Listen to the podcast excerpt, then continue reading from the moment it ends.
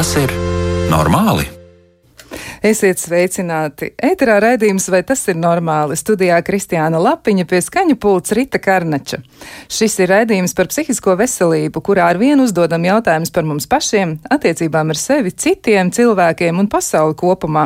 Raidījuma veidošanā savā ziņā aicinām iesaistīties arī jūs klausītājus. Gaidīsim jūsu jautājumus, pārdomas, atziņas vai idejas uz raidījuma elektronisko pasta adresi, vai tas ir normāli at Latvijas radio.lv. Varat sūtīt ziņas arī Latvijas radio mājaslapā mājaslapā, atrodot raidījumu, vai tas ir normāls ziņojumu logu. Varat ļoti aktīvi iesaistīties arī uzdodot jautājumus. E, elektroniskā veidā tas noteikti ir pietiekami ērti. Raidījuma temats šodien - ķermenis un psihe. Kā ķermeniskie simptomi ziņo par psihē notiekošajiem procesiem? Mūsdienās valda uzskats, ka teju vai katras slimības pamatā ir meklējams kāds psihoemocionāls aspekts. Ir atsevišķa medicīnas joma, kur ar to nodarbojas psihosomatiskā medicīna, un tā ir piemērota tiem pacientiem un visiem tiem cilvēkiem, kuri vēlas uzlabot savu pašsajūtu un risināt fiziskās slimības izraisošos emocionālos faktorus, tās izraisītus un uzturētus arī iekšējos konfliktus. Šoreiz mēģināsim palūkoties uz problēmu no diviem skatu punktiem - ārsta un arī pacienta. Kā dzīvot ar hronisku slimību vai ar slimību kā tādu, kā mēģināt to saprast, kā to piedzīvot, izdzīvot un kā ar to būt, un ko var darīt, raugoties arī no psihoterapijas viedokļa. Raidījuma viesi Artūrs Utināns, ārsts, psihiatrs, psihoterapeits, medicīnas doktors. Sveicināts! Uh, labvakar! Un vēl piesaku arī vēl vienu viesņu. Tā ir Indra Salceviča, stiliste, modes dizainere. Sveicināti! Labvakar. Man gribētu sākt ar jautājumu Indrai. Ne par velti mēs izvēlējāmies Indru kā raidījumu viešņu. Viņa arī ļoti laipni piekrita piedalīties. Un um, Indrai ir sava personiskā pieredze, ar kuru viņa noteikti varētu nu, kaut kādā veidā dalīties. Varbūt neiedziļinoties ļoti tādās privātās detaļās, bet tomēr. Kā tad ir būt ar e, slimību e, un kā ir, e, tā teikt, pavadīt dzīvi lielu daļu laika dzīves ar, ar kādu saslimšanu, kas ir cilvēkam? Un kā tad ir? Man pirmais jautājums tā tad ir tieši tāds. Kā ir būt ar kādu slimību attiecībās? Ko tas nozīmē, Indra, tieši jums? Nu, es teiktu tā, ka nu jau uh, es viņu esmu nosaukusi šo slimību par tādu kā draudzeni. Es mēģinu ar viņu draudzēties. Jā, jā, bija kaut kāds laika periods, kad es mēģināju šo slimību kaut kā izskaust. Un, protams, nu, ja mēs runājam par to emocionālo, emocionālo lietu, tad, protams, man ļoti ietekmēja. Un, un, un daudzas lietas manā dzīvē varbūt notika tieši tāpēc, ka man šī slimība ietekmēja. Es runāju par psoriāzi, slimoju jau 20 gadus ar šo kaiti. Uh, un, uh, un slimoju 20 gadus, un uh, man viņa ir uh, diezgan kroniskā veidā. Man nav remisijas stadija bijusi šo 20 gadu laikā nevienu dienu. Pat ne, ne pēc vispār kā tādu. Es ar viņu esmu iemācījusies sadzīvot, un, protams, ka es meklēju risinājumus, kā viņai piespiest kaut kur no manas dzīves atkāpties. Un, uh, Tiesa gan no sākuma varbūt es meklēju tiešām šajā psihosomātikā šo problēmu, bet vēlāk atklājot, ka tā ir vairāk autoimūnā saslimšana, es, protams, ķēros vairāk pie uzturu jautājumiem un vēl visādām citām lietām, un dotajā brīdī varbūt esmu jau tādā dabūjusi viņu tādā mazliet nost, bet, protams, ne pilnībā, bet tas, ka viņa man savā laikā ļoti ietekmējusi emocionāli, tas ir fakts. Un droši vien, ja es nebūtu pati pēc savas būtības tāds stiprs cilvēks un uh, varbūt nežēlotu visu laiku sevi, vai es nezinu, nu, es nemāku to izskaidrot, es droši vien, droši vien būtu kaut kādā diezgan lielā depresijā, es pieļauju domu, jo viņa ļoti spēcīgi ietekmē dzīves komfortu un uh, vispār visu viņa ietekmē. Tātad... Visus lēmumus reizēm arī dzīvē. Uh, kaut kāds posms, kad man viņa parādījās, uh, jā, viņa man ļoti spēcīgi ietekmēja. Lēmumus, jūs teicāt, lēmumus, kā tieši Jā. emocionāli tas bija tik grūti, ka jums bija. Kā, varbūt jūs varat nu, precizēt, kā tas ir noticis? Nu, psoriāze ir uh, vizuāli ļoti neglīta lieta, un, uh, un tas, uh, tas bija diskomforts, uh, tas bija um, apzināta garderobes veidošana tā, lai šo psoriāzi maksimāli neredz. Tā bija izvairīšanās no kompānijām, no draugiem, teiksim, kopā iešana, būšana pirtīs, ballītēs, pludmalēs. Tā bija slēpšanās, tā bija arī sava veida melošana, jo bija vasaras sezonas, kad es staigāju cimdos un stāstīju, ka man ir alerģija no saules. Un, tāpat arī bija, protams, tas arī kaitēja manā kaut kādā partnerattiecību veidošanā, jo man šī psoriāze parādījās 20 gadu vecumā. Un, uh, un tajā brīdī bija ļoti daudz skaistuma standarti, citādi un viss pārējais. Un, Uh, tas, tas man ietekmēja. Es uh, negāju tikties ar cilvēkiem, ar uh, randiņu cilvēkiem un tā tālāk. Šāda tipa lēmumi teiksim, uh, arī bija ļoti noteicoši tajā kaut kādā posmā. Tas uh, ļoti daudz ko ietekmēs. Tiešām maksimāli bija kaut kādas draugu kompānijas, kuras vienkārši jāsaka, nu, izvairoties arī pazaudēja cilvēkus. Un, uh, un, un tā tālāk. Jā, un, un, un, un arī nu, tas, tas tiešām nu, tie, tie lēmumi bija tādi. Jā. Tas izklausās ļoti, ļoti sarežģīti un noteikti tā nav viegla situācija. Man jautājums Artūram Utinānam, kā tas nākas, ka par tādiem simptomiem, kas ir cilvēkam, ir tik ļoti grūti reizēm runāt, un ko tas arī varētu nozīmēt? Kā tad īsti darbojas psihisks un ķermeņa saistība? Jo izskatās, ka ķermenis tiešām reizēm ir kā tāds ziņojuma dēlis, kas kaut ko saka, bet īsti nevar saprast, kas tas ir. Kā tad strādā tā psihi un ķermeņa savstarpējā saistība? Um, jā, nu, varētu teikt tā, ka um, jebkurā gadījumā visas reakcijas rodas ķermenī uh, vai arī smadzenēs un uh, psihē, tas nonāk sekundāri. Ja? Uh, bet uh, saistība ir tāda, ka no vienas puses ķermeniskas reakcijas ietekmē uh, dažādas psihiskas reakcijas, ja mēs runājam par domāšanu un par emocijām. Uh, piemēram, var radīt kaut kādas domas, ka es esmu nepilnvērtīga vai kaunu, trauksmi. Un savukārt nu, tas, ko mēs varam nosaukt par psihiskām, lai gan viņas sākās smadzenēs jā, un zemapziņā, viņas savukārt ietekmē ķermeniskas reakcijas un var izsaukt teiksim, simpātiskās nervu sistēmas aktivēšanos Un, uh, līdz ar to tur pātrinās sirdsdarbība, muskuļu spriedze, jā, piemēram. Uh, nu, mēs zinām, arī pie kauna ir nosargšana, var tur arī uh, veidoties dažādas arī izmaiņas sādā, ja ir noteiktas sakritības ar, ar arī kaut kādām ādas problēmām. Uh, tāpēc tās, uh, tas, tas mehānisms ir divējāds. Ja? Tagad ir zināms, piemēram, ka cilvēkam ir uh, ne tikai centrālā nervu sistēma, bet ir zārnu nervu sistēma, ir arī sirds nervu sistēma un arī ādā ir savā ziņā nervu sistēma. Un šīs, ner, šīs nervu sistēmas savstarpēji miedarbojas. Ja? Tāpēc, piemēram, autoimūnas saslimšanas ir ļoti sarežģītas pēc savas um, teiksim, tādas etioloģiskiem faktoriem, ja, kā to saka. Nu, vi, viņas ietekmē arī stress, ja, bet, nu, protams, kā psoriāze primāri ir. Tā tad um, iekaisums, jā, kaut kāda imunās sistēmas reakcija. Uh, un kāpēc ir šāda imunās sistēmas reakcija? Tur atkal ir uh, daudz iemesli. Uh, sākot ar iedzimtību, beidzot arī ar kaut kādu iemeslu pēc uh, dzīves laikā iegūtu nu, tādu reakciju, ka imunā sistēma pavēršas pret sevi.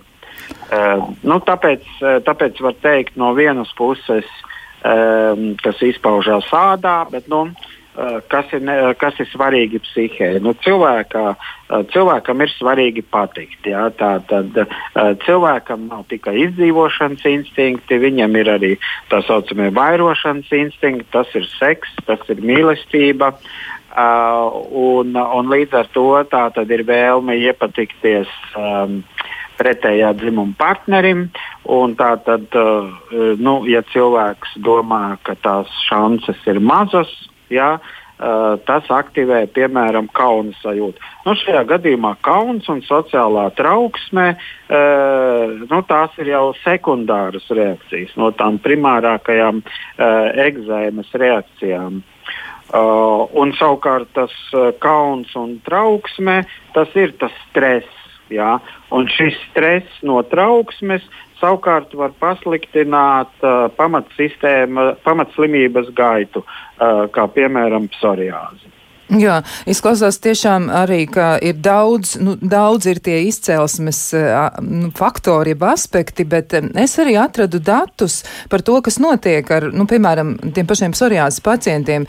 Pētījumos ir atklāts, ka šī slimība rada ne tikai fiziskas problēmas, bet arī iespaido psihoemocionālo stāvokli atkarībā no slimības smaguma izpausmes. Un kādā no pētījumiem ir konstatēts, ka 23 pacientiem ir 23% pacientu ir depresija, 14% izjūt izjūt nemitīgu trauksmi, un 40% gadījumā pacientiem izrakst arī antidepresantus. Tātad ļoti tādas nozīmīgas izmaiņas cilvēku dzīvē. Un te es atgriežos pie Indras, bet kāda ir jūsu pieredze saistībā ar to, ko tad jūs mēģinājāt darīt? Jo jūs teicāt, ka jums bija ļoti lieli sociālās dzīves ierobežojumi, kas iespaidoja jūsu dzīvi, bet kas vēl notika ar jums? Ko jūs vēl mēģinājāt?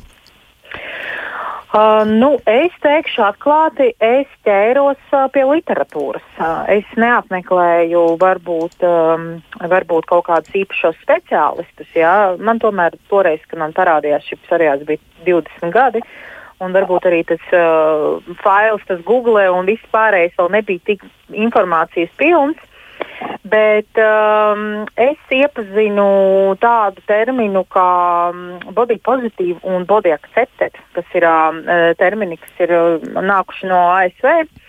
Un uh, buroties un lasot cauri literatūru, kas bija pieejama savā laikā grāmatās, un arī vēl joprojām Amazonē nopērkamās izkaut kāds. Protams, bija arī neveiksmīgi gadījumi, pirktas grāmatas, kur vairāk teiksim, cilvēki dalījušies ar savu pieredzi. Uh, Um, es uh, personīgi sapratu, ka tas, kā es emocionāli jūtos ar savu problēmu, ar savu ādu, ir uh, balstīts arī uz to, kādi skaistuma standarti tiek kultivēti sabiedrībā. Un, uh, un ka šis, uh, šī kultivācija ir principā nu, tāds mārketings un diezgan apzināti veidota. Tajā brīdī, kad es pieņēmu šo domāšanas virzienu, kad uh, kad uh, tas viss ir, tur ir photoshopi, vēl mākslīgi apstrādātās bildes un viss pārējais, ka patiesībā tā, tā tie super skaistie slaidie cilvēki, ko katru dienu mēs redzam žurnālos un tā tālāk, ir principā no tādas globālās, um, globāli, no globālās um, cil, cilvēces ir minoritāte. Un plus vēl, protams, ka šie superskaistie un uh, perfektajām ādām, nu, tas ir, ja mēs runājam par žurnāliem, tad tas viss ir uh, skaisti mākslīgi radīts photoshops un plus vēl kosmētika ar saviem anticelulītiem un anti visādām strīju un liet, visādām citām lietām. Uh, Tad, kad es uh, to skaidri izpētot, lasot šīs grāmatas, tas skaidri apzinājos, ka tas tā reāli notiek. Man laikam arī paveicās, kad es sāku diezgan daudz strādāt šajā vidē, jo es nodarbojos ar modi un es uh, tiku strādāt žurnālos. Es redzēju, kā tas reāli notiek, kā tiek nofotografēta sieviete un kāda viņa ir pēc tam žurnāla vāka. Un, uh, tad es to vienkārši pieņēmu kā tādu nu, faktu, kad uh, Tas ir tikai tas, kas man ir faktiski iestāstīts, kādai man būtu jābūt un ar ko man būtu nu, tā salīdzināšanās stēle. Es viņu vienkārši izslēdzu. Es vairs sevi nesli, nesalīdzināju ar tur, savām draudzenēm vai, vai paziņām vai ar modelēm uz vāka. Un, uh, sāku sevi pašu skatīties mazliet kaut kā citādākā plānā. Un, uh, nu jā, un es iemācījos ar to savu psoriāzi, uztvert viņu kā draugu. Es no viņas sāku teiksim, arī nekautrēties. Un, protams, jā, es saskāros ar pirkstiem un ar nosodījumu un ar kaut kādiem jautājumiem, vai tas ir lipīgs un ko es te daru, un tas ir bijis tur pludmalēs. Bet es neļaunojos uz to cilvēku, arī, jo viņš jau nemaz to nezina. Nu, kā es varu ļaunoties uz cilvēku, kurš nezina, kas ir psoriāze? Ja? Mēs nevaram vienkārši ļaunoties uz to cilvēku vai dusmoties vai vēl kaut kā. Ja? Nu, protams, un tad es pati arī uh, sāku diezgan daudz Latvijā uh, par šo runāt, par šo ķermeniski pozitīvo domāšanu un par to, cik šī domāšana var ietekmēt mūs, jā, un, un, kā tas vainagojās. Manā gadījumā, protams, psoriāzei nāca klāt, uh, bija savs ēst atkarības posms, kurā es uzēdu bišķiņu vairāk lieko svaru, vai kā es viņu saucu par virssvaru, jo tā emocionālā ēšana man bija kā sava veida arī zāles, jā, jo Jo tas, tas bija, tā bija mana terapija toreiz. Jā. Bet, uh, principā, jau mainot savu domāšanas virzienu un beidzot salīdzināties ar uh, kaut ko, kas varbūt pat ir tiešām nereāls, vai salīdzināties ar kaut ko, kas man dzīvo blakus. Nu, viņam ir sava dzīve, man ir sava dzīve. Nu, es nekad nebūšu tāds kā viņš, viņš nekad nebūs tāds kā man. Un es arī nevaru prasīt šim cilvēkam iejusties manā ādā, jo viņš to nesaprot. Viņš nekad to nezinās. Viņš nezinās arī par to, ar ko man ir jāsadzīvo katru dienu, jo psoriāze nav tikai vizuāls defekts. Psoriāze arī sāp, fiziski sāp psoriāze rada diskomfortu arī fiziski un, un arī mājas apstākļos. Tu ej tā kā cilvēks, nu, es birstu, es, kā, tā, es staigāju pa māju kā, kā, nu, kā balta tautumeita, nāk ar sniegu apsnigusi, tāda es tiešām arī reāli esmu. Ja? Un, uh, faktiski es viņu vienkārši iemācīju, es mainīju to domāšanas uh, skatu punktu virzienu, un, uh, laikam tas ir tas, uh, kāpēc es. Um, Nu, es vairs, protams, nu, man viņa ir, es ar viņu cīnos, es ar viņu draudzējos, es ar viņu strādāju, es mēģinu rast risinājumus, kā man viņu samazināt, bet es vairs neļaunojos.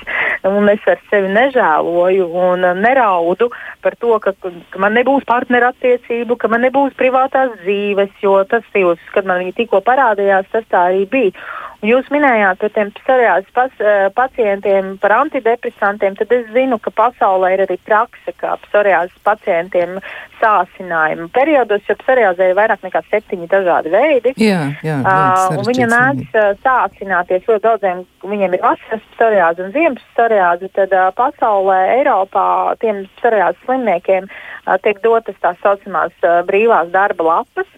Respektīvi, tad, kad viņiem ir saīsinājumi, tad viņiem tiek dots slimības lapa, lai viņi sēž mājās un neko nedara un, un mēģina uh, šo psoriāzi kaut kā nomierināt, jo, jo nu, pat dot, teiksim, pat dot tā saucamās slimības lapas bez problēmām nekādām. Teiksim. Es nezinu, kā tas ir Latvijā, jo es neesmu izmantojusi nekādus šādus jautājumus nevienam, jo es esmu tiešām viņu jau pieņēmusi. Tad, kad es sāku principā strādāt, es jau biju sevī viņu pieņēmusi kā tādu, nu, jā, man viņa ir. Vienu jā. dienu vairāk, vienu dienu mazāk. Nu, tā kaut kā. Jā, tas, ko jūs teicāt par to pieņemšanu, man liekas, tas varētu būt lūzuma punkts, bet ir ļoti daudzas dažādas slimības, no kurām cieši cilvēki, un šis ir viens no varbūt tādiem spilgtākiem pamanāmākajiem piemēriem, kur, jā, patiesi kāds varētu raizēties par to, ka jūs esat blakus un uzdod dažādu veidu jautājumus, un tā jūsu spēja to interpretēt tā, ka tas vairs netiek uztverts uztverts, un ka jūs to neuztverat tā, ka jums ir tādas ciešanas, ja, bet jūs varat saprast, ko tas īsti nozīmē, un ka citi cilvēki to varētu nezināt. Man liekas, tas ir ļoti liels darbs, ko jūs esat ar sevi paveikusi. Bet arī no klausītājiem jums ir mm, tādi sveicieni, tā var teikt, un uh, klausītāji raksta, klausos un gribu pateikt vēlreiz paldies Indrai par atklātumu, lai šis stāsts palīdz citiem un ne tikai psoriāzes slimniekiem. Indra, lai veicas, ja jums tādu novēlējumu. Jā. jā, bet, um, nu, es gribu jautāt arī Artūram Utinānam, tad, um, nu, kā tas nākas bieži vien jau arī pie, gan pie fiziskām slimībām, kuras rada dažādas sekas, gan arī pie tā, tā saucamajiem klasiskajiem psihosomatiskajiem traucējumiem, vai, vai arī no otras puses raugoties, ja slimība ir radusies un tad ir kādas izmaiņas. Tur ir bieži vien pieminēts tā saucamais iekšējais konflikts. Par ko tas ir? Um. Nu, tā tad uh, cilvēkiem ir uh, dzīves plāni, motīvi. Viņi ir bioloģiski iekodēti. Šis pats, piemēram, partnerattiecības, uh, seksuālās attiecības, tie ir bioloģiski instinkti. Tie nav tāpēc, ka to izdomāja civilizācija. Uh, tāpat tās arī uh, piederība sociālai grupai, draudzība. Uh, mēs esam sociālas būtnes un uh, un šie sociālie instinkti ir jārealizē. Citādi cilvēks nevar iegūt pozitīvas emocijas. Jā, ja tā tad Indras aprakstā viņa uh, sākumā slēpās, nedraudzējās, neko nemēģināja. Uh, tas ir to sociālo instinktu nomākšana vai deprivācija. Uh, ka, ka rezultātā rodas iekšējais konflikts. Tātad no vienas puses kauns un vēlme un aizsardzības pret kaunu, tā tas saucās psihoterapijā. Ja, tātad nevis kaunu piedzīvot, piemēram, tiekoties ar draugiem, bet gan izvairīties piedzīvot kaunu, vienkārši neiet uz, uz tām, nu, piemēram, ballītēm. Um, tā tad, lai uh, nu, teiksim, cilvēks iztēlē, iedomājās, ja, ka uz viņu skatīsies ar nicinājumu, un ka visi jautās, ko tu te dari un, un vispār kāpēc tu esi šeit. Ja. Jo, protams, mēs zinām, cilvēka empātijas spējas ir ļoti dažādas. Ja vieni jautās, citi sapratīs. Uh, protams, ka jāprot dzīvē atrast uh, nu, tāda veida draugus, kas sapratīs. Uh, nevis vairīties nu, no visiem cilvēkiem. Un, uh, un iekšējais konflikts veidot, uh, veidojas starp vēlmi veidot romantiskās attiecības, sociālās attiecības, draudzību un starp vēlmi izvairīties no kritikas, atstumšanas, uh, nicinājuma un izvairīties no šī uh, kauna pārdzīvojuma. Jā, jo, uh, līdz ar to uh, cilvēks nonāk strupceļā, jā, viņš, nevar, viņš nevar dzīvot pa vecam, viņš nevar dzīvot pa jaunam. Un tas ir tas iekšējais konflikts. Un depresija ir uh, dzīves strupceļā signāls. Jā, jo depresijā ar bezcerības sajūtu saka, nu, tā dzīvot nav jēgas, un kāda jēga ir visu laiku slēpties, un, un, un tam līdzīgi. Jā, tas ir tā tāda depresija, ir teiksim, tāda sociālā izsalkuma sajūta kopā ar šo. Un, un, un tas ir tas iekšējais konflikts, jo attiecības ir jāizveido uz cita pamata. Uh, jo šie žurnāli, ko minēja Indra, jā, tā tad no nu, sievietes pirmām kārtām pievērš uzmanību ārienei, jo, protams, tam pievērš uzmanību arī vīrieši. Eh, bet um, jāsaka, ka sievietes savā starpā ar to skaistumu konkurē pat vairāk. Uh, nu, uh, un teiksim, runā par to vairāk nekā pat nu, teiksim, tas, tas ir nozīmīgi vīrietim. Ja? Nu, kaut vai pieņemt to pašu nervu anoreksiju un bulīmiju, ja? kur, uh, kur jaunas meitenes drīzāk konkurē, kura ir tievāka, bet nu, tas nebūtu nav vīriešu ideāls. Uh, un, uh, Līdz ar to tas ir pārlieku arī uzlikts tāds uzsvars uz ārējo izskatu. Ja? Uh, to var nosaukt fiksācija ārējā izskatā. Kamēr um, sociālās attiecības nosaka pavisam citi faktori, viens no tiem, piemēram, ir empātija. Ja spēja atrast gan partneri, gan draugus, mm, kuri, kuriem ir empātiskas spējas, kuriem ir sapratnē, kuri arī var iejusties citādā, cik nu, tur pilnīgi vai daļēji, bet tomēr var iejusties.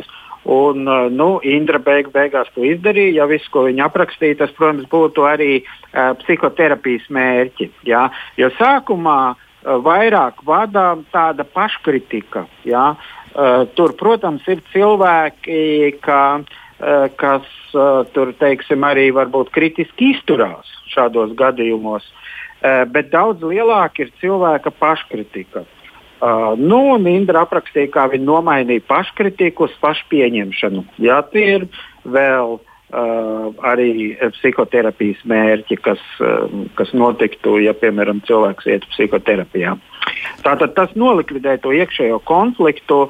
Uh, pašpieņemšana, līdz ar to cilvēks uzsāk sociālās attiecības. Tā tad var atrast gan partneri, un kādi tik cilvēki partneri neatrod. Partneri nav tā, ka vienīgie, kas atrod partneri, tas ir vismaz jābūt Miss Latvija vai Misters Latvija līmenī, vai vēl labāk Miss Univers un Misters Univers. Jā. Protams, ka tā tas nav. Paskatieties! Un, Cik un, dažādi, ja, cik dažādi jā, cilvēki ir kopā. Tā kā vienkārši ir jāatrod uh, savi cilvēki un, un, un kopdzīve vairāk no, um, izveido tas, ka cilvēkiem ir kopīgas filozofiskās sistēmas, morāles sistēmas, um, un ārējais izskats ir tikai viens starp, nu, es teikšu, daudziem desmitiem, ja ne simts faktoru.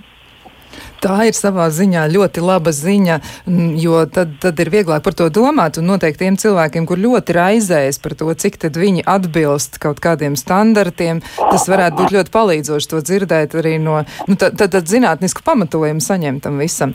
Jā, bet eh, sarunu mēs turpināsim pēc maza brīža.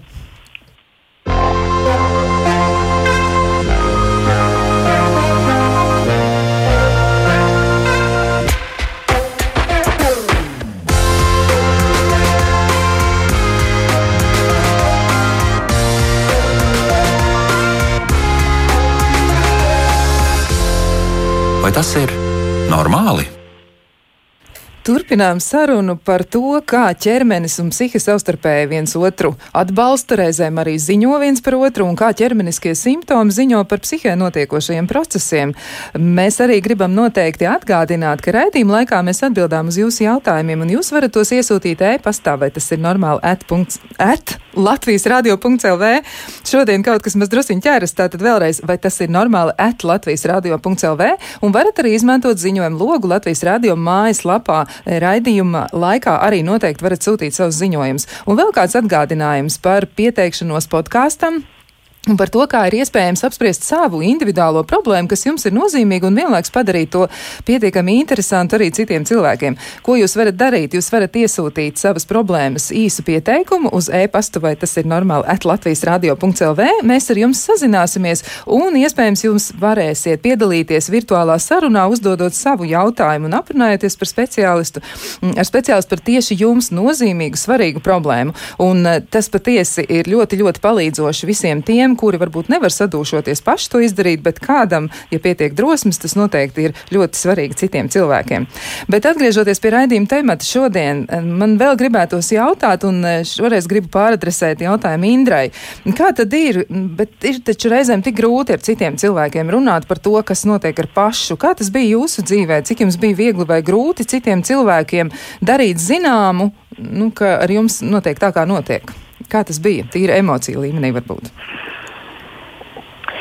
Nu, redziet, man liekas, tas ir vēl viens tāds manas dzīves nu, nosacīta bonusiņš, ja, ne, nu, ja to tā var saukt. Es bērnībā pārslimojot kādu slimību, es ļoti strauji pieņēmu svarā. Un uh, bērnībā es biju tāds rīktīgs bumbulis. Nu, es neesmu nemaz tāds slēdāk arī tagad, jā, bet nu, es biju baigais bumbulis. Un, un, protams, ka uz to visu pārējo bērnu fonā es tiku dabūta tur, nu, pazēkāta vai vēl kaut kā, nu, kā jau, kā jau, kā jau tas uh, itsevišķi padomju savienības uh, laikā notika. Un uh, bērnībā laikam jāsaka, man jāpasakās ir vecākiem par to, ka. Uh, es kaut kā, viņi mani tā kaut kā audzināja, viņi man kaut ko tā pateica un kaut kā tā izdarīja.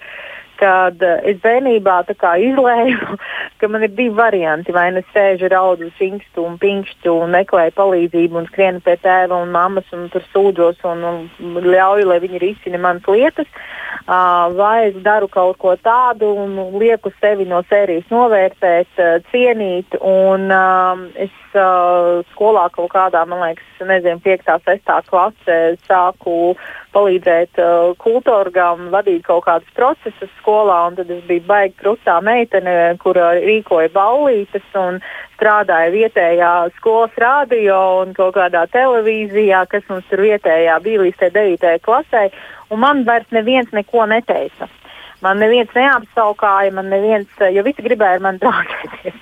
Un, uh, tas, laikam, bija tas, kas man arī palīdzēja pēc tam vēlāk, kad man arī parādījās tā psoriāze, nu, tā kā saņemt to drosmi un, uh, un atrast to citu ceļu, kā komunicēt. Un, uh, kaut kādā vienā brīdī tas vienkārši tā notika. Un, uh, Es nezinu, man pat baigi grūti, bet es domāju, ka tas ir noteikti manu vecāku nopelns, ka viņi savā laikā kaut kā tā ar mani runāja, kad es uh, vienkārši, nu, nu, jā, ok, es to esi apaļa, bet, nu, kas ar to, jā, par to nav jāpārdzīvo vai vēl kaut kā, un tieši tāpat arī ar to psoriāzi bija, nu, kad vienā brīdī, protams, bija kaut kāds tas paps pat tas pirmais posms, un tie cilvēki, un, un, un tie komentāri, un kaut kas, protams, man tas tā ietekmē, bet, nu, automātiski kaut kā, nu, laikam atcerējos sevi kaut kur tajā bērnībā un, un, un, un tos savus pieņemtos lēmumus, un man laikam tajos 20 gados arī faktiski bija jāpieņem šis lēmums, vai nu es sevi sēžu un žēloju, vai nu es meklēju kaut kādus risinājumus un vienkārši par to runāju tā, kā tas ir. Nu, un, ja man prasa, kas tas ir, tad es arī pasaku, kas tas ir. Es nevienu negribu pārliecināt, vai kaut kā tā vienkārši es to sāku uztvert kā tādu. Nu, Nu, tieši tā kā es teicu, nu, kad um, es nevaru vainot cilvēkus par to, ka viņi nezina. Un ja, viņi... man ir pakstē pirkstiem, mm. tāpēc, ka viņi vienkārši nezina. Nu, mēs nevaram nu, visu zināt, ja, un ja mēs ar to neesam saskārušies, un tie cilvēki, kuri nav savā sabiedrības lokā saskārušies ar uh, ar šādiem te, uh, gadījumiem. Un tas nav tikai psoriāze. Es ļoti daudz zinu cilvēku ar neirodermatītiem, negzēmām. Bieži vien man pašai arī raksta par cik es uh, šo jautājumu par tādu ķermeņa pieņemšanu diezgan aktīvi ir sociālajā uh, tīklā, Instagram un arī savā lapā uh, runāju un kultivēju. Un, um, tas nav tikai par, ir arī par rētām un visādām citām lietām. Uh, tad, tad, jā, tad es saprotu, ka varbūt, varbūt, jā, varbūt kaut kā tā tas ir. Nu, mēs nevaram ļaunoties tiešām cilvēkiem, ka viņi to nezina. Un, nezinu, kaut kā tā tas es saku, man liekas, ka te ir veicies. Ja? Vecā, jā, vecāki ir palīdzējuši. Nopelns, jā, jo viņi man laikam kaut kā, viņi man, nu jā, nu viņi man mīlēja, jā, bet viņi mani tur baigi nežēloja, jā, viņi man tā kā, nu, Man liekas, ka tas ir, tas ir tas labākais. Nevis, ka tu tur, jā, tev iekšēji ir žēl, un es to zinu, jo man bērnam, piemēram, personīgi arī ir bijušas šīs problēmas. Es zinu, es to saprotu, bet es nežēloju. Es tieši tāpat kā mani vecāki, es viņu nežēloju, un es ceru, ka viņš, nu, Tiks ar to galā. Un, jā. jā, un, un izaugs un, un, un, un, pieņems nu, to. Nu, man liekas, ka tas ir tas arī būtiskākais. Kad... Tā tad atkal tā pati pieņemšana, pie tās mēs atgriežamies. Bet jā. klausītāji arī, un Olga mums raksta tā, vai Utināna kungs, doktors Utināns varētu nosaukt vēl kādus piemērus bez psoriāzes, kas ir pietiekami spilgta, spilgta, nu tāda epizode, vai arī, kur ir ievilkusies dzīves garumā, patiesībā par epizodu to pat grūti nosaukt, ja tas ir hronisks process, tad cilvēkam ar to jārēķinās visu dzīvi, vai arī liekais svars un ko tad darīt pašam, ar ko sākt, lai sevi cienītu un normāli dzīvot. Jo ir arī citas situācijas, un ir reizēm arī ļoti dramatiskas situācijas, kur cilvēki ir spiesti samierināties, ja pieņem to, ka viņu fiziskās spējas ir, ir izmainītas, piemēram, negadījuma dēļ, vai kas cits ar viņiem ir noticis, vai patiešām ir kāda rēta, kas liek ļoti raizēties par to pašpieņemšanu. Kā tad ir, doktor Utinā, ar, ar citiem gadījumiem? Kur tā pašpieņemšana un spēja sevi cienīt un, un tā normālās dzīves veidošana, ar ko tad vajadzētu sākt? Um, es tagad nesapratu jautājumu par piemēriem. Kādi piemēri man jāsaka? Vēl, nu, vienalga, kādu mēs varētu minēt, kādu piemēru, jā, bez ādas slimībām, kas ir ļoti droši vien pamanāmas, un tad cilvēkiem tas varētu sagādāt ciešanas, bet noteikti ir vēl kādi citi piemēri par to, ka, es nezinu, cilvēks varbūt raizēs. Nu, viņš... Tie, kas uh, izsauc. Uh, sociālo trauksmi, tātad mēs varam iedalīt tie, kas kaut kā saistās ar ārējo izskatu. Mm -hmm. uh, tātad uh, vienalga, ka, kas tas būtu, uh, kaut vai beidzot arī, nu, teiksim, uh, ja cilvēkam ir asimetriska seja, jā, respektīvi uh, viņš vai viņa neizskatās skaisti. Um, un, uh, un, piemēram, nu, nevar atļauties uh, plastiskās operācijas. Uh, nu, tas tāpat rada tāpat sociālo trauksmi, rada ilūzija, ka nav skaists, kas saucās dismorfofobija, uh, uh, kas ir ļoti līdzīgs traucējums nervu anoreksijai. Uh, kad, nu, piemēram, uzskata, ka deguns eh, nav skaists, vai ausis, vai mati, vai um, žoklis, vai nu, jebkura ķermeņa daļa. Uh, nu, tad ir saistīts arī ar runas funkcijām, piemēram, stostīšanās vai šļupšē, šļupstēšana. Tas ir arī kaut kas tāds, kas uh, izsauc uh, kaunu un sociālo trauksmi, un piedevām tas palielinās, kad uh, ir jāuzstājas auditorijas priekšā. Uh, nu, vīriešiem, piemēram, ir uh, Savukārt svarīgi nu, domāt, ka viņš ir tur labākais seksuālais tur, partneris. vai mīlnieks, un līdz mm. ar to, ja viņam kaut kas um, gadās kaut kādas ķibeles ar erekciju, uh, tad tas rada tādu trauksmi, ka nākošais ķibele ar erekciju uh, iestājas jau uh, aizvien ar, ar lielāku varbūtību. Uh, nu, protams, uh, tas ir bijis cilvēkam arī par kaut kādu nepietiekoši reprezentablu, vai precīzāk sakot, nabadzīga paskata apģērbu. Uh, cilvēki ir kaunējušies par saviem vecākiem, uh, kam kaut kas ir tāds anomāls, nu, kaut vai parastākais piemērs - vecāki alkoholiķi. Uh, vai vēl kaut kādi, nu, kā to tā saka, frīki. Um, nu, teiksim, nu, tā, tāda situācija. Protams, uh, ja cilvēks iet uh, uz randiņiem romantiskajās attiecībās, ja, uh, nu, viņš var slēpt visu ko. Tā skaitā arī parastas tā slimības, kas uz ārieni nav redzamas. Ja, nu, neviens, neviens aizējot uz randiņu nesaka, ka man ir alkohola problēmas vai man ir bronhiāla astma. Vai es nezinu, man ir bieži caurējies un aizcietējumi, nu, to arī uh, nu, slēpj. Jo, uh, jo, jo teiksim, tas, kas kotējās romantiskajās attiecībās, kad cilvēks ir skaists, ja tātad simetrisks, veselīga āda, veselīgi mati, jāstarp citu zobi. Jā, cilvēks var kaunēties par zobiem, piemēram, tā tad balti skaisti zobi, ka cilvēks ir vesels, ka viņš ir vesels fiziski un vesels psihiski. Um, nu, un tad tālāk nāk tās visas pārējās īpašības, kas saistītas ar, ar raksturu un, un, un, un komunikācijas spējām. Izklausās ļoti labi. Pinnes. Uh, Daudz. Uh, nu, principā, dejapkās Man ir bijuši pacienti, kas skolā apsaukāti kā rudi mati, ja, uh, nu, kad maziņš, garš, uh, resns, tievs nu, principā skolā var apskaut par jebko.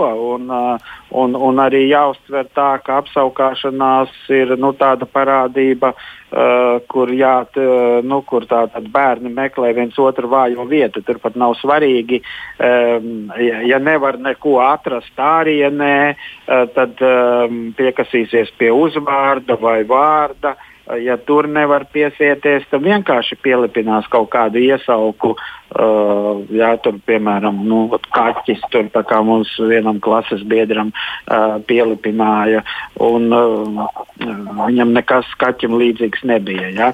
Uh, tā, kā, nu, tā ir vienkārši tāda konkurence asvārdībā, ir, ir jāsaprot, un, un vecākiem bieži vien tas arī jāpaskaidro. Jā, bet tur ir ļoti daudz iemeslu, par ko tad, kā, kā, kā, kā jūs teicāt, arī apcelt vienam otru un arī kas tiek izdomāts. Bet man tad jautājums ir, kā tad veidot attiecības uz savu ķermeni, jo, ja cilvēkam ir vasaras raibumi vai varbūt viņam ausis nav abas pilnīgi vienādi izmēra, nu, mēs esam asimetriski un lielākoties jau tas attiecas uz mums visiem, kā tad veidot attiecības ar savu ķermeni, nu, kā uzrunāt pašam sevi, kā tad būt mierā ar sevi? Nu, um, jāsaprot, ka romantiskās attiecībās ārkārtīgi svarīgs ir raksturs. Jā, res, respektīvi, tas, kas saucās rakstura īpašības, bet kas kotējās? Kate, kotējās komunikabilitāte, jo cilvēks ir komunikablāks, ja viņš labāk, ātrāk iegūs partneri, jo introvertāks, noslēgtāks, ja viņam būs grūtāka partneri. Kotējās tā pati empātija, altruisms, līdzjūtības spēja. Savukārt, ja cilvēks ir egoists, kops vai narciss, Eh, viņam līdz ar to izveidot attiecības būs grūtāk. Protams, ka ietekmē arī intelekts, ietekmē, cik cilvēks ir asprātīgs, ietekmē garas stāvoklis, vai, protams, tiem, kam ir, kas ir pozitīvi, ehm, tā tad smaida. Uh, nu, biežāk ir jautri, uh, tie vieglāk iegūst partneri nekā tie, kas ir nomākti, depresīvi, īgni, uh, greizsirdīgi, skaudīgi un, un, un, un tam līdzīgi. Ja? Uh, tā kā cilvēkam jāstrādā ar šīm īpašībām. Uh, principā daudz vairāk, jā, jo, jo sievietes bieži vien pievērš uzmanību izskatam, uh, un tad viņas saka, ka ot, vīrieši viņiem tikai seksu vien vajag. Ja? Uh, bet, ja sieviete ir nelāks raksturs, viņa kašķīga, zāģē, apvainojās par visu kaut ko, uh, tur manipulē, pārmet uh, gadu vai piecus gadus vecus grēkus.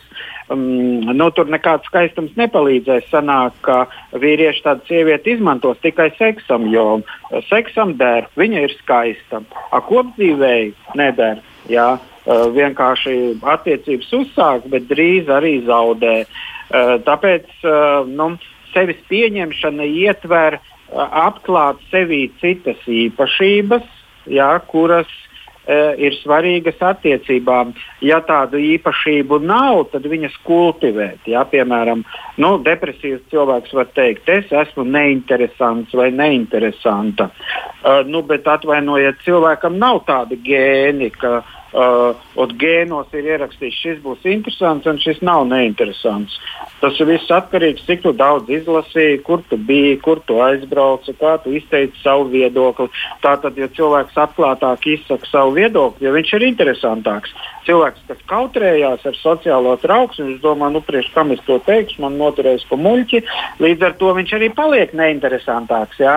Tā kā, Tāds tā, apburtais lokus veidojās. Jā, tā kā tādu, tādu īpašību kā būt interesantam, piemēram, arī ir jāizkopja. Jā, bet tas noteikti attiecās tikai ne, ne tikai uz romantiskajām attiecībām, bet noteikti arī profesionālajā jomā to varētu likt lietā, jo arī tur visticamāk ir tā, ka cilvēks var nesasniegt savus dzīves mērķus, ja viņš tik ļoti raizēs par to, kā viņš izskatās, vai viņš izvairās no citiem cilvēkiem.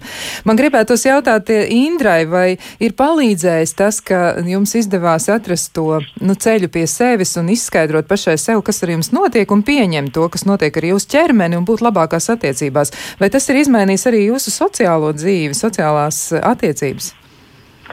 Uh, es gribētu teikt tā, ka es pilnīgi pie, piekrītu doktora viedoklim.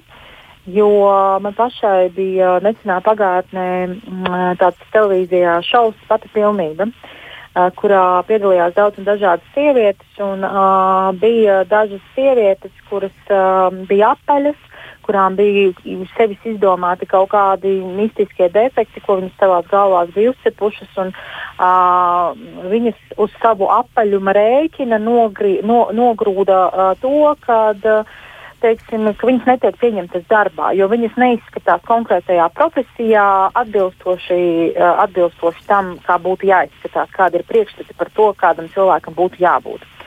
Un uh, šī projekta laikā mums bija visādi dažādi speciālisti, un tas mērķis bija tas, ka uh, tam cilvēkam ir jāsaprot, ka tas vizuālais, viņa vizuālais, kā jau doktors arī teica, patiesībā nespēlē tik ļoti lo, lielu lomu tiem apkārtējiem, cik uh, pašam sev.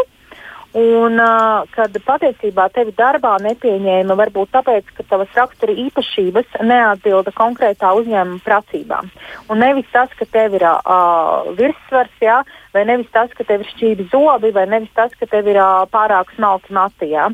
Un, uh, protams, ir profesijas, kuros ir kaut kādi standarti, uh, uh, kuros, nu, diemžēl, uh, tā ir taisnība. Jā, nu, Kaut vai, piemēram, es zinu, ka Itālijā, ja, tev, uh, ja tu neietilpsti vienā no, ir trīs izmēru policijas formas, Un, ja nu, tu neietilpsti kādā no šiem izmēriem, tevi šajā darbā neņem, lai cik tu labs detektīvs esi, vai lai cik tu labs esi policists. Tāds, tieši, tiešām tā ir. Jā, Itālijā tieši tā arī ir. Viņiem ir trīs izmēru formas, un, uh, ja tu neietilpsti šajā formā, tad nu, tu nevari pildīt savus pienākumus. Viņi tā ir izdomājuši, un tā tas ir. Viņiem formas uztaisītoja savā laikā, ja nemaldos, Versace zīmols bija tie, kas izstrādāja. Vai dieniņ, cik skarbi forma nosaka to, vai cilvēks tur būs vai nebūs. Bet, nu, jā. Jā, bet ir profesijas, kurās, kurās nu, piemēram, nu, kaut vai, nezinu, stjuārte, jā, nu, eja stjuārtei, eja starp krēsliem ir tik, cik viņa liela ir. Un lai cik tu esi foršs un labs, Protams, ja tu būsi ļoti apaļš, nu, tu tur nevarēsi neizgrozīties, un tev būs grūtāk to darbu darīt. Ir kaut kādi darbi, nu, diemžēl, kuros tiešām ierobežo šīs vizuālais. Ja? kuros, nu, tevi, te, bet ir darbi, kuros tas vispār nu, neskar. Nu, tevi par grāmatu nepie, ne, nepieņēma tāpēc, ka tu uh, izskatījies pārāk apaļa vai pārāk kausna. Tevi varbūt nepieņēma, tāpēc, ka jūta, ka tev ir kaut kādas rakstura īpašības, kuras šajā uzņēmumā konkrētajā nu, neiederēsies. Ja? Jā, tad... Un tās rakstura īpašības ir, ir ļoti, ļoti, ļoti, ļoti būtisks um, faktors, ko arī minēja ārsts.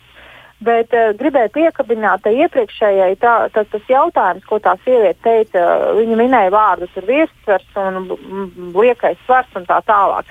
Manuprāt, problēma vienmēr ir tajā salīdzināšanās faktorā. Uh, skaidrs, ka mēs dzīves posmā mainamies. 16 gados mēs esam ļoti superslaidi, tur 20 gados mēs arī tādi, bet noteikti dzīvē kaut kādi posmi, uh, bērni nāk, vēl kaut kas uh, tiešām salauž kāju, nevar pasēdēt, iejaukt svarā kaut kādā, un tad tā salīdzināšanās ar tiem ar to, arī ar to sevi tajā 16 gadu vecumā ir tas, kas grauj viņas iespēju tajā konkrētajā brīdī uh, domāt tā, lai notiktu transformācija par labu viņai. Jā. Jo viņa tā kā visu laiku salīdzina sevi vai nu ar savu pagātni, vai ar tiešām cilvēku kaut kādu, kas tur blakus dzīvo.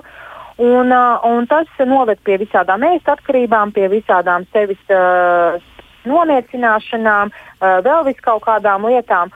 Un ne, nenotiek tā transformācija. Un tajā brīdī, kad cilvēks pieņem sevi, man ir 35, man ir 4 bērni, man ir 100 kg svara, bet es tagad sevi pieņemu tādu, es sāku dzīvot tā, lai kļūtu par savu labāko versiju, bet nevis ar tādu uh, um, fanātisku uh, re, ceļu, tādu virzību uz rezultātu, jo bieži vien cilvēkam tas fanātiskā virzība uz rezultātu nenostrādā, jo viņš gaida, gaida, gaida to rezultātu, kaut kādā brīdī viņam viņš notiek, un pēc tam viņš noraujās un tā tālāk, bet tad, kad tu pieņem sevi, jā, es tagad esmu tur 100 kg. Ir kā ir, jā. Man ir 100. Ir kā ir. Tas nenozīmē, kad es pēc desmit gadiem nebūšu 80 kg. Ja es sevi pieņemšu tajā 100 kg svarā, dzīvošu ar pilnu krūti, darīšu, nekautrēšos, iet uz sporta zāli, kustēšos, darīšu, domāšu par to, ko es bāžu mutē, neskatīšos sevi un neienīdīšu savu formu. Ne, neskatīšos uz savu vēduru, ar tekstu ārprāt, kāds viņš man briesmīgs skriens, nekad dzīvē augstīm nevilkšu, man te pieci bērni un man viss tas vēders ir briesmīgs. Tad, uh, tad, tad arī būs tas rezultāts, ka tur tālāk nāks tās depresijas un tā tālāk. Ir jābūt pateicīgam par daudzām lietām. Jā, tu tas, staigā, ir par, tas ir par to pieņemšanu. Kusties. Uh, tev, tev ir iespēja izmantot visus tādus resursus, bet ienīst sevi tikai tāpēc, ka tev ir parādījies vēders vai kaut kādas citas nepilnības. Nu, tas, ir, tas ir tas, kas noved arī tajā depresijā. Nu, Jā. Tā, Jā, tā tas varētu būt. Nu, man tad noslēgumam virzoties um, tuvāk, eh, gribētos jautāt arī doktoram Mutinānam, nu vēlreiz varbūt tādu ko, kopsavilkumu par to, ko tad darīt, jo pieņemšana un nedusmošanās uz sevi tas varētu būt ļoti labs um, izējas variants, ja tā var teikt, bet kā pie tā tad nonākt, varbūt tāds atgādinājums vai arī, nu, balstoties uz pieredzi, kas ir tas, ko varētu pateikt klausītājiem, kā pieņemt savu ķermeni tādu, kāds viņš ir un mēģināt ar to būt labākās attiecības attiecībās? Uh, nu, pieņemšanu veicina uh, kaut vai tas, ka vienkārši nenodarboties ar paškritiku. Ja? Uh, tur palīdz apziņotības prakses un meditācija, vienkārši iemācīties um, aizraidīt prom um, tās paškritizējošās domas, ja? ar, ar tādu nu, tā kā, paskaidrojumu sev, jā, ka sevis kritizēšana ir neproduktīva nodarbošanās. Jā. Viņa nekādu attīstību neveicina. Viņa tikai vienīgais efekts ir pasliktinās garastāvoklis. Jā. Tā tad, ja emocijas kaut kādas ir jāizmanto, ka tie ir signāli, ka man savā dzīvē ir kaut kas jāmaina, un tad var izvirzīt kaut kādu izmaiņu plānu. Uh, bet uh, nu, tā tad viens ir vienkārši apturēt paškritiku. Otra lieta um, - tātad uh, attīstīt sev citas īpašības un fokusēties uz spēcīgajām daļām. Jā. Uh, nu, piemēram, uh, nu, teiksim, kāds, kurš ir maz auguma, bet viņam patīk basketbols, nu, viņš tagad pārdzīvos, uh, ka viņš nevar uh, spēlēt tur, kur porziņš spēlē nu, nekā darīt. Nu, ir, um, tātad, ir jāorientējas tādiem sporta, sporta veidiem, kur ir mazauguma priekšrocības. Uh, un, un, un, teiksim, tas ir arī viss, un viņš var attīstīties. Un, ja cilvēkam ir svarīga sociālā atzinība vai būt slavenam, viņš var atrast daudzus citus ceļus, uh, kā, bū, kā to panākt. Uh, kaut gan mēs tagad zinām no laimes pētījumiem, ka bagātība un slava uh, tā pie laimes neved, ja cilvēki jauc labsajūtu no sociālā statusa ar laimi. Ja. Tāpēc būtiskākais ir izveidot harmoniskas, ilgtermiņa attiecības ar citiem cilvēkiem. Tas ir laimes faktors. Iegūt lapatiku no tādiem ikdienas sīkiem sasniegumiem, kas man izdevās. Ja? Tātad jūtot savu attīstību, salīdzināt savu iepriekšējo versiju, ar savu tagadējo versiju un virzīt nākotnes versijas. Var sakot, konkurēt ar sevi, nevis tur ar kaut kādiem cilvēkiem, jā, kur tur nezinu, kaut kādā ziņā ir pārāki. Jā, tas iz, izklausās, bet ļoti īsi, Indra, mums ir burtiski dažas sekundes laika. Ir vien, viena tāda lieta, uh, mēs atbrīvojamies parasti no tādām lietām, kas mums nedod labumu, ne? Bet kāda jēga mums ir uh, paturēt sev kompleksus? Komplekss nenod, nedod labumu. Vispār nekādu. Tad kompleksus metam prom. Saku, jā, saku paldies, saku paldies Artūram Utinānam, ārstam, psihiatram, psihoterapeitam, medicīnas doktoram un Indrai Salcevičai, stilistei, modas dizainerei, kuri iesaistījās sarunā par ķermeni un ķermeņa pieņemšanu. Bet mēs tiksimies nākamajā nedēļā, un mēs tad runāsim par tematu, kurš nav no vieglajiem, proti par vēršanos pret sevi, pašievainošanos, pašnāvības domām un arī par pašnāvības mēģinājumiem, par ko tie liecina un kā palīdzēt. Bet atgriežoties pie temata un pie novēlējuma klausītājiem, konkurējiet tiešām tikai ar sevi un esiet sava labākā versija šodien, rīt un arī tālāk.